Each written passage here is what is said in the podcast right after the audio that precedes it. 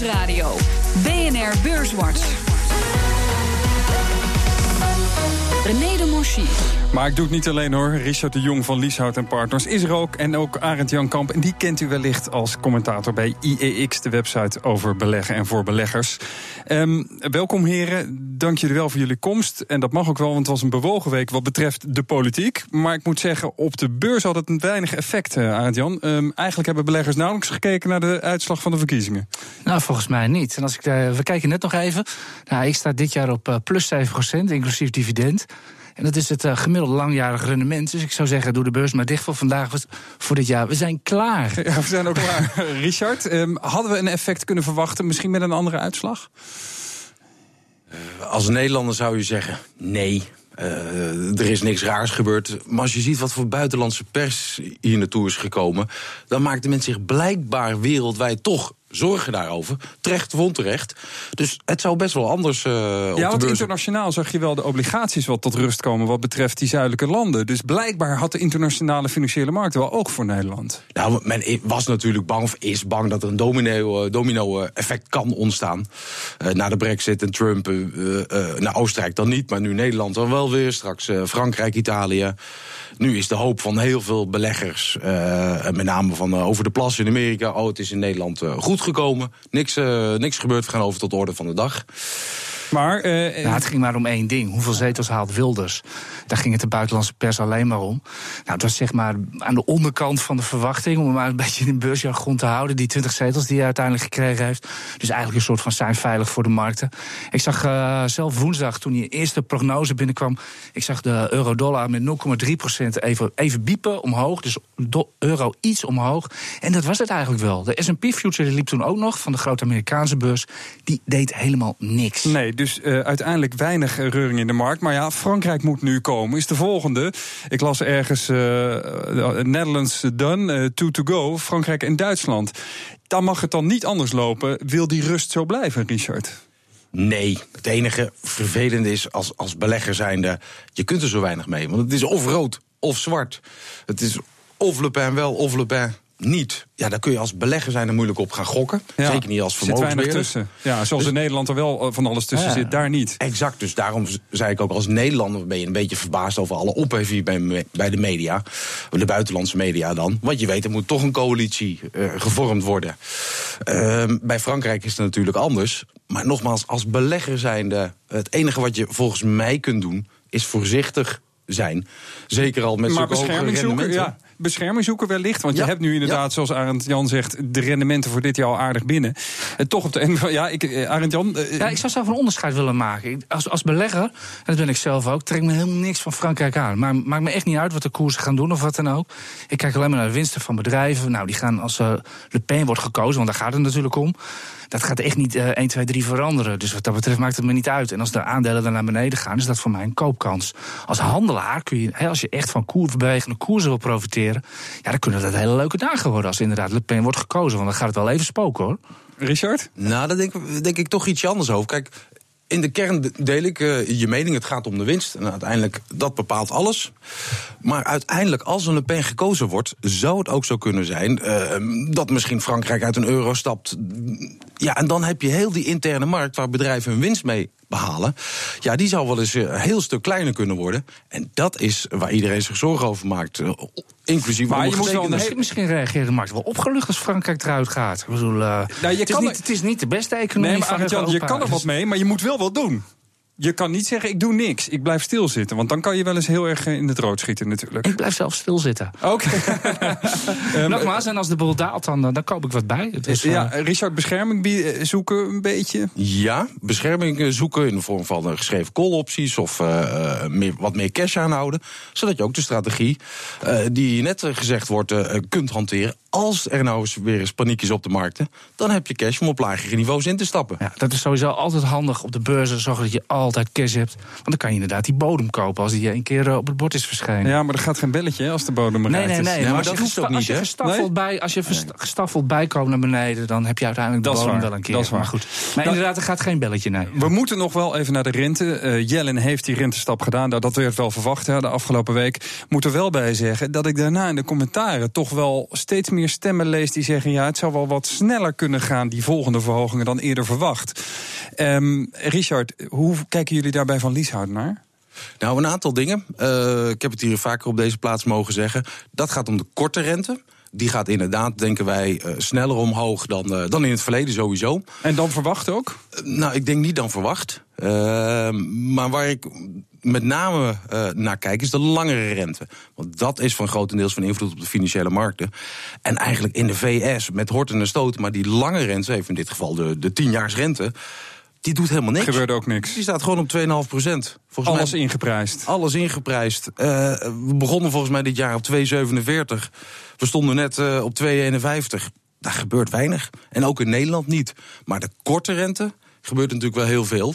En die zou wat mij betreft gegeven de, de, de inflatieverwachtingen aan het toenemen zijn zou best wel wat hoger mogen. Arend Jan, dan wou ik zo dadelijk even naar de bedrijven kijken. Maar als Trump, en daar ziet het toch langzaam naar uit, zijn economisch beleid gaat uitvoeren. Eh, er eh, zijn een paar belangrijke eikmomenten. Hè. Gaat hij zijn, zijn, zijn jaarlijkse beleid met het budget uh, halen, uh, waarmaken. En dan komt er geloof ik in april nog een uh, sessie van het congres. En dan in mei en augustus nog een. Oh, Kortom, jee. nou ja, vier momenten waarop bekeken wordt of die uitgaven door de Amerikaanse overheid gedaan gaan worden. Maar het ziet er wel naar uit. Dat betekent dat hij de economie verder aan gaat jagen. Terwijl Jelle wel zegt, ja, het moet ook weer niet heel veel worden. Althans, de commentaren op haar. Kan het zijn dat hij goed voor bedrijven, maar voor de economie misschien tot overfitting gaat leiden? Uh, ja, dat, dat, dat, zou inderdaad heel, heel goed kunnen. En dat uh, het zou niet voor de eerst zijn dat het inderdaad heel goed gaat met de economie, maar dat het dan heel slecht gaat met de aandelen. Dat zou uh, inderdaad door een loongolf of wat dan ook, de winsten die onder druk komen te staan, wat voor reden Hogere rente. Et cetera, et cetera. Ja, dan kan het zijn dat de aandelen gaan tegenvallen. Hebben de afgelopen acht jaar eigenlijk, ja, zoals we dat dan zo mooi noemen, uh, de economische malaise, nou, noem alles maar op. En die aandelen gingen maar omhoog. Ja, a bull market has to climb a wall of worry, zeggen we altijd. En dat was een perfect voorbeeld hiervan. Maar dan staan we misschien te hoog met Amerikaanse aandelen als het uh, nu op het hoogtepunt is. Uh, wie weet, maar er kan ook nog best wel wat bij hoor. Een, een dure markt kan altijd nog duurder worden. Richard?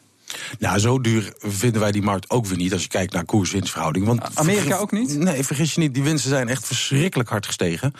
En natuurlijk is de one million dollar question, wat gaan die winsten doen? Want daar draait het uiteindelijk om, uh, uh, wat ja. net ook al gezegd wordt. Voorlopig... schade en schande geleerd. Ja, als, als, als die Trump geen gekke dingen gaat doen en eigenlijk de economie met rust laat, wat mij betreft, dan zie ik die winsten gewoon nog toenemen. Alleen dat is dus een hele grote als. Als die het met rust laat. En alles wat we nu van hem hebben gezien, hij laat dingen niet met rust. En hij wil het nog verder aanjagen. Met name om die middengroep. Mensen die letterlijk in het midden van Amerika wonen, de agrariërs. Om die wat uh, extra banen te laten creëren. Maar is dat dan nog verstandig voor beleggers? Ik bekijk het even vanuit beleggersperspectief. Ja, voor beleggers. Alleen puur vanuit die beleggers bekeken. Nee, want je, de, de kans op overhitting neemt toe. Ja, nou duidelijk ja, aan de kant, je krijgt gewoon 2,5% dividend op de S&P 500. Dat is toch niks mis mee? Als lekker zitten. Ja. Nee, ja, als je voor dividend gaat, kan dit natuurlijk wel uh, belangrijk zijn dat die winst op peil blijven. Want dan hou je die uh, 2,5% dividend. Um, toch even naar de aandelen. Uh, Arend Jan, kijk naar jou. Ja, we zagen KLM op de laatste dag van de week natuurlijk die een flinke boete kreeg. Maar dat, als, als beleggers daar nog verrast door waren, dan uh, hebben ze echt onder een steen gelegen. Want dat zat er al aan, aan te komen. Ja, ja ik, ik, heb zelf nog een stuk gemaakt over Frans KLM vanmiddag. En ja, ik verbaas me ja, ik verbaas me erover, maar ook weer niet. Inderdaad, het was eigenlijk wel slecht nieuws vandaag voor KLM. En dan gaat de koers gewoon weer fors omhoog.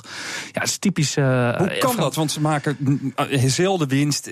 Eén grote problematische uh, sector om daar je aandelen in te hebben. Althans, ja, als het om KLM en Air France gaat. Ja, Weilen Theo Kranen heeft me dat ooit een keer vaderlijk gezegd. jongen, bouw, is echt al 10, 12 jaar geleden. Ik vertel hem heel vaak. Mensen gaan nu gapen die mij kennen. Die legde ooit vaderlijk zijn, zijn arm over mijn schouder. Jongen, beleg nooit in bouwbedrijven, carriers, luchtvaartmaatschappijen en autofabrikanten. Er is altijd wat. En uh, ja, zeker bij uh, Air France KLM. En toch is, is het aandeel vandaag weer permanent, is permanent permanent onrust, stakingen, weet ik veel wat. Maar 60% onder, ja, winst hè, sinds augustus het aandeel. Uh, ja, oké, okay, maar geen 60% meer winst onderaan de streep. Nee. En dat is het grote probleem bij uh, Air France KLM. Ze verdienen al 20 jaar geen geld. En ondertussen op de beurs uh, is de koers gewoon een speelbal. Het is heerlijk voor handelaren. Maar echt als waardebelegger, je wil dividend hebben of wat dan ook... heb je er helemaal niks te zoeken. Richard? Ja, die mening deel ik volledig. Ja, wegblijven uit KLM. Ja, en ook de bouwaandelen in Nederland. Daar kom ik zo nog even op. Ik wou oh, zo nog even naar Heijmans. Ja, daar hebben beleggers... Dat was een mooi Elsbruggetje. ja, ja, dankjewel. Ja, een luchtbruggetje. Nou, laten we dan maar meteen naar Heijmans gaan. Ik ga het puur voor eigen rekening zeggen. Um, ik noem het een beetje een zombiebedrijf. Ik vraag me af of dit bedrijf op lange termijn, als het zo blijft en ze kunnen niet snel meer inkomsten cashvrij genereren, dat ze echt een probleem hebben. Arend Jan? Ik heb liever dat ze geen tegenvallers meer hebben. Oké, maar die kunnen ze in elk geval niet meer hebben. Zo, zo nou, kantje dat, bord. dat weet je nooit bij Heijmans. Uh, Oké. Er kan zomaar weer een project zijn wat in de, in de problemen raakt of wat dan ook. Eh, er is een nieuw management, zeg maar, sinds december. Nou, die zijn echt voortvarend begonnen. Echt eh, desinvesteringen. Die pakken de boel echt af. En het, echt het, de grote dreiging op de beurs was, komt er een emissie of niet? Nou, dat gevaar is voorlopig even geweken.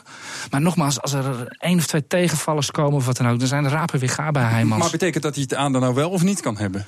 Uh, nou, ik zou ze zelf niet willen hebben. Nee. Dan zou, ik- dan zou mijn, als, als ik bouwaandelen zou kopen, zou mijn voorkeur eerder uitgaan naar, uh, naar BAM. Die eigenlijk een jaar voorsprong hebben op Heijmans. En misschien wel deze zomer volgens Wessel Stefin wat naar de beurs wil gaan komen. Maar ja, Dick Wessels kennende gaat hij alleen maar zijn aandeel voor de hoofdprijs naar de beurs Daar kom ik brengen. zo nog op, op die beursgang. Oké. Ehm, eh, Heijmans, Richard. Nee, ik blijf er verre van. Zo, Ja, ook. ook. van een BAM. Eh, die marges zijn zo flinterdun dat er maar één of twee tegenvalletjes hoeven te zijn. En, eh, Je bent in de problemen. gewoon in de verlies. Ja. Wat mij betreft, als ik dan een tip zou mogen geven... eh, kies een grote buitenlandse bouwer, een Vinci. Krijg je de tolpoortjes er gratis bij. Dan heb je gewoon een Ah. wat, eh, wat degelijker Frans bedrijf, gok ik. Ja. Ja, ja, Ja, dat, ja, dat schrijf ik ook nog in mijn KLM-stuk vandaag. Van, van denk nou ook eens even bij jezelf na. Ook over BAM, Heijmans, KLM. Het is een goede economie op dit moment. De conjunctuur eh, zit goed. Nou, consumentenvertrouwen, noem alles maar op. Als je in deze markt gewoon geen bakken met geld verdient... ja, wanneer ga je dat dan wel doen Ja. als bedrijf? Nou, dat is Stel je als belegger even die vraag, zou ik Ja, zeggen. en dus geen Heijmans. Ehm, overnames of eh, beursgangen naar Axel Nobel, eh, PPG. Het, het hangt nog steeds in de lucht. Hè. Er was een, eh, een, ik, ik zag een rapport van de ING die zegt... het zou best kunnen zijn dat PPG toch een hoger bod gaat doen. Maar Axel Nobel zelf op overnamepad in Amerika. Ehm, hoe gaat dit eindigen, Richard? Een goede vraag. Ik Ja. denk inderdaad dat er nog een bod gaat komen. Eh, maar je ziet aan alles dat AXO dat niet wil. Aan alles zie je dat. eh, eh, ze, ze wapenen zich Maar voor tegen. geld is alles te kopen, als het bod maar hoog genoeg is. Uiteindelijk wel, en zeker omdat de rente nu nog zo belachelijk laag staat, is het goedkoop om het over te nemen. Je zet vervolgens de schulden op de balans van de partij die je overneemt. Net zoals met Unilever zal ook bij een AXO gebeuren. Maar uiteindelijk bepaalt de aandeelhouder. En als het bod maar hoog genoeg is, maar hoe het afloopt. Maar jij denkt- maar dat ze het willen, is mij wel duidelijk. Het is nog niet helemaal over. Dus dan eh, de beursgang, eh, weliswaar eh, toch weer even naar die bouwbedrijven. Je zei het al, Volker Wessels. Het gerucht gaat dat ze helemaal klaar zijn daarvoor. Heeft een van jullie bewijs dat ze naar de beurs gaan? Eh, ik dacht dat ze in juni het plan hadden, maar of het echt hoe Ja. definitief het allemaal is. Maar nogmaals, met Dick Wessels weet je het nooit. Nee. Ik bedoel, als de beurs gaat, gaat dalen, dan gaat hij het niet doen. Die brengt echt alleen maar tegen de hoofdprijs zijn bedrijf naar de beurs. Hou dat in het achterhoofd. Ah, Oké, dus je spelletje moet heeft hij eerder gespeeld. wat ja. cash houden, naar Avantium is naar de beurs gaan, naar Bioplastics. Ehm, tegenvallen of meevallen, Richard? Of heb je er niet naar gekeken? We hebben er wel naar gekeken, maar eh, een bedrijf wat eh, de komende jaren nog geen winst gaat maken, wat de emissie gaat gebruiken om een fabriek hopelijk te bouwen, Ja. waar dan hopelijk omzet en winst gemaakt gaat worden. Ja, Voor ze- speculanten hartstikke leuk waarschijnlijk, eh, maar wij blijven voor er echte beleggers van. niet in Nee. zitten. Terwijl ik hoop dat ze het gaan halen, want ik vind het product, Mooi het heel Ja, het is een mooi bedrijf, ja. Dus, Ja. eh, dus wat dat betreft. Maar ja, het is inderdaad. En ja, zodra het woord hopen valt. eh, hoop is verkopen, zeggen optiehandelaren altijd. Ah, Oké, nou dat is duidelijk wat jullie er allebei van vinden. Ja, de kwartaalcijfers die gaan er langzaam aankomen. Zitten we een beetje in het vacuüm tussen de halfjaarcijfers en de jaarcijfers en de kwartaalcijfers. Dus waar moeten beleggers dan op gaan letten? Dat na de reclame. Nieuwsradio.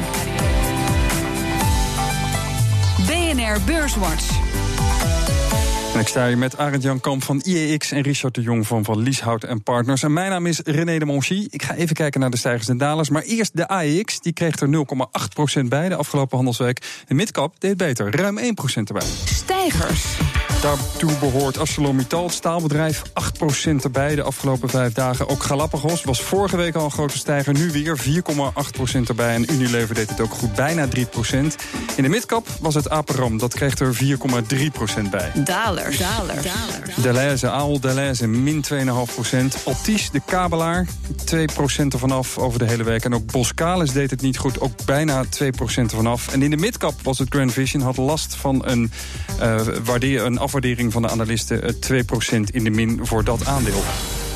Ja, als ik deze aandelen zo even aan jullie vertel, dan valt ArcelorMittal toch wel op. En ik heb het idee dat door die aantrekkende economie, Europa, Amerika, dat toch die grondstoffenbedrijven weer enigszins in de picture komen, Richard?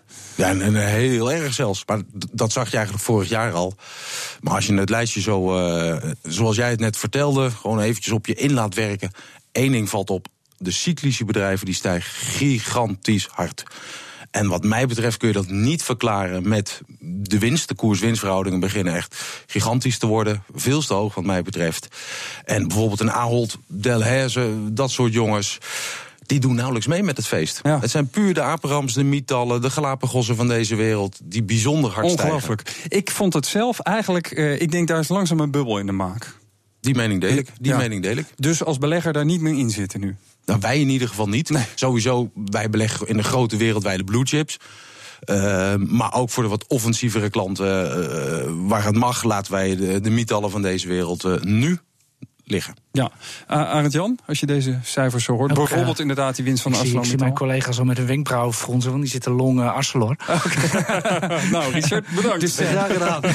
dus die denken, dus die denken, ik zelf overigens niet hoor. Ik vind het wel even netjes om te vertellen. Ja, heel goed. Nee, dus die denken dat er nog, nog van alles mogelijk is. En vooral omdat uh, ArcelorMittal, laten we dat beestje maar even bij de naam noemen, zoveel beter zijn huiswerk heeft gedaan dan zeg tien jaar geleden. De schulden worden opgeschoond. het bedrijf is gewoon, ja, gewoon erg goed bezig. Maar je neemt een voorschot op economische groei. Als je dat aankoopt, dan ga je vanuit economische groei gaat doorzetten. Nou, die staalmarkt is wat dat betreft wel wat ingewikkelder. Je neemt misschien ook wel een voorschot dat de Chinezen de overproductie eens een keer gaan aanpakken. Want dat kan natuurlijk, we weten hoe het werkt in China. Uh, Peking kan, Beijing kan in één nacht beslissen van. Uh, we gaan, uh, gaan extra staal maken of uh, we jassen juist de productie in elkaar. Dat, ja, dat kan verstrekkende gevolgen hebben. En uh, Beijing is niet te voorspellen. Nee, dat moet je nou, dus niet die, doen. Die berichten kwamen er begin van deze week, ook eind vorige week. En inderdaad, meteen, boem, niet al uh, behoorlijk omhoog. Maar welke, welke zitten jullie dan in? Waar, wat, wat vind jij dan beter als je dan toch in die grondstoffen in die staal wil zitten? Want je zegt, ja, wij kijken wereldwijd. Kijken jullie wel naar die staalmarkt, maar dan naar andere bedrijven? Nou, wij zitten op dit moment niet in de staalmarkt. Okay. Uh, wij, wij zitten uh, met name in de VS en in Europa. En dan moet je denken aan een Unilever en een Microsoft. Ja, en maar staan... niet in de grondstoffen op dit moment. Niet in de grondstoffen. Nee. Um, nou, dan gaan we Behalve even... de olie, als ik dan uh, nog even ja, mag. olie. Uh, Koninklijke olie en, geen, uh, en totaal. goudmijnen of wat dan ook? Of, uh, dat soort we hebben één, maar dat is puur een defensief aandeel. Die hebben we voor onze klanten gekocht. Dus uh, Barrick Gold. Oké. Okay. Okay. En waar zitten die? In Canada, geloof ik? Ja, ja, Canada. ja, en het is puur, ja, als de beurs heel paniekerig wordt, dan zie je vaak de goudprijs stijgen. Dus we hebben hem eigenlijk als hedge gekocht. Okay. Een beetje een beveiliging. Ja, de goudmijnen die gaan alweer een stuk harder dan goud. En, uh, maar goud dus heeft weer een andere rol als grondstof natuurlijk dan. Ja, ja, dat is meer voor beleggers. Uh, hoe lang heb je nog? nou, we gaan het hier Zet de telefoonlijnen dan ook maar open. in de toekomst gaan we het hier ongetwijfeld over snel gaar. Uh, ja, over goud. Er is heel veel over te doen altijd bij beleggers. Even terug naar wat er de komende week op de agenda staat. Loonkosten in Nederland, producentenprijzen in Duitsland, PMI in Duitsland. Ja, dat is toch wel belangrijk voor dat rentebeleid van de EU, van de ECB natuurlijk. Um, moeten we daarnaar kijken of zeg je van nou eigenlijk is dat lange termijnbeleid van de ECB wel duidelijk, Richard? Dat laatste. Ja. Voorlopig die korte rente die gaat niet omhoog. Uh, maar blijven... dat opkoopprogramma, ja, daar had hij al van gezegd dat dat smeren dat, wat uit. Maar... Ja, dat gaat, is, uh, dat gaat uh, bijna nu in naar 60 miljard per maand. Ja. Maar vergis je niet ze blijven ook de, de, de obligaties die afgelost worden en de rente die ze ontvangen op de huidige obligaties. En dan praat je dus over honderden miljarden per jaar. Dat blijven ze ook nog eens een keertje herinvesteren. Dus er is, dat zie je eigenlijk in de VS ook nog. Er is zo'n grote koper in de markt. En dat weet iedereen. Dus die rente is kunstmatig laag. En zolang de ECB niet aangeeft of hint, want iedereen let erop natuurlijk, uh, dat ze daarmee gaan stoppen of wellicht iets mee gaan verminderen, blijft die rente. Maar in ieder geval de korte rente laag. Dat snap ik, maar wat er in Duitsland gebeurt met die producentenprijzen, die PMI, ook die loonkosten in sommige Europese landen, dat is natuurlijk toch wel een indicator waar het met de ECB naartoe kan gaan. Daar hebben ze een mooi foefje voor gevonden. Dat noemen ze de kerninflatie. Dan laat je gewoon de, de hele heftige dingen die je eigenlijk niet bevallen, die laat je weg. Dus zoals economen wel vaker doen. En ik ben ook econoom, dus ik mag het zeggen. Okay. Uh, en dan kijk je alleen naar degene uh, wat je uitkomt als de kerninflatie. Maar de toch brengt het de markten soms in beweging. Dus daar wordt door beleggers uiteraard, gek Uiteraard, want ja. nogmaals, het is een allesbepalend beleid van de ECB. Dus als er ook maar iets eh, in begint te schuiven, heeft dat enorme gevolgen. Ja, dan willen beleggers natuurlijk als een van de allereerste die uitgang uit. Ja, uh, kijk, volgens, volgens, mij valt het wel mee. Vol, uh, volgens mij bij wijze van Mario Draghi maar één cijfertje op zijn uh, desktop staan.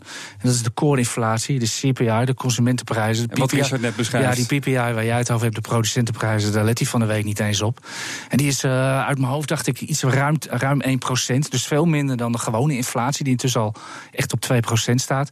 Dus wat dat heeft hij nog wel wat rek. Als die naar 2% gaat, ja, dan zou er misschien eens wat kunnen gaan gebeuren. Ja. Maar eerder niet, denk ik. Dus let als belegger op ja, de core-inflatie. Of uiteindelijk de, de, de, gewoon de wereldmarkt moet de ECB dwingen. Hè, als, als de Fed inderdaad wel sneller gaat verhogen. Je gaat carry trades krijgen van, van Europa naar de VS. Hè, gewoon lekker hier goedkoop lenen, euro's. En dan lekker in uh, de VS uitzetten. Dat gebeurde in de uh, het vorige decennium gebeurde er heel veel met yen en Grote dollar. stromen van. Ja, dan zou inderdaad, omdat de, ja, de Fed is nou eenmaal een maatje groter dan de ECB, daar zou de bank gedwongen kunnen worden. Maar dit is wel heel erg. Dit nog... begint wel heel erg vrijdagmiddag borrelpraten. Nou ja, worden. oké, okay, dan moeten we daar misschien mee kappen. Maar voorlopig zien we dat dus niet gebeuren. Nee, echt niet. En um, dan gaan we daar ook verder niet op letten. Dan, um, voordat we bij het einde van het programma komen, vraag ik jullie altijd naar een tip. Ik begin bij Richard de Jong van Van Lieshout en Partners. Ja, waar moeten beleggers op letten? Ik wil toch even weten je argumentatie en of je er zelf in zit. Wij zitten er zelf in, ook voor, voor onze klanten. Wij hebben recentelijk uh, de FIX gekocht. En voor de luisteraar... ken ik als een volatiliteitsindex. Dat de is bewegelijkheid. De bewegelijkheid van de index. In dit geval uh, de S&P 500. En hoe bewegelijker de index, hoe risicovoller het is. En vaak hoe negatiever op de markt. Dus enerzijds levert dit een hele mooie hedge op. Want als de beurzen dalen, er komt er onrust, dan stijgt deze belegging.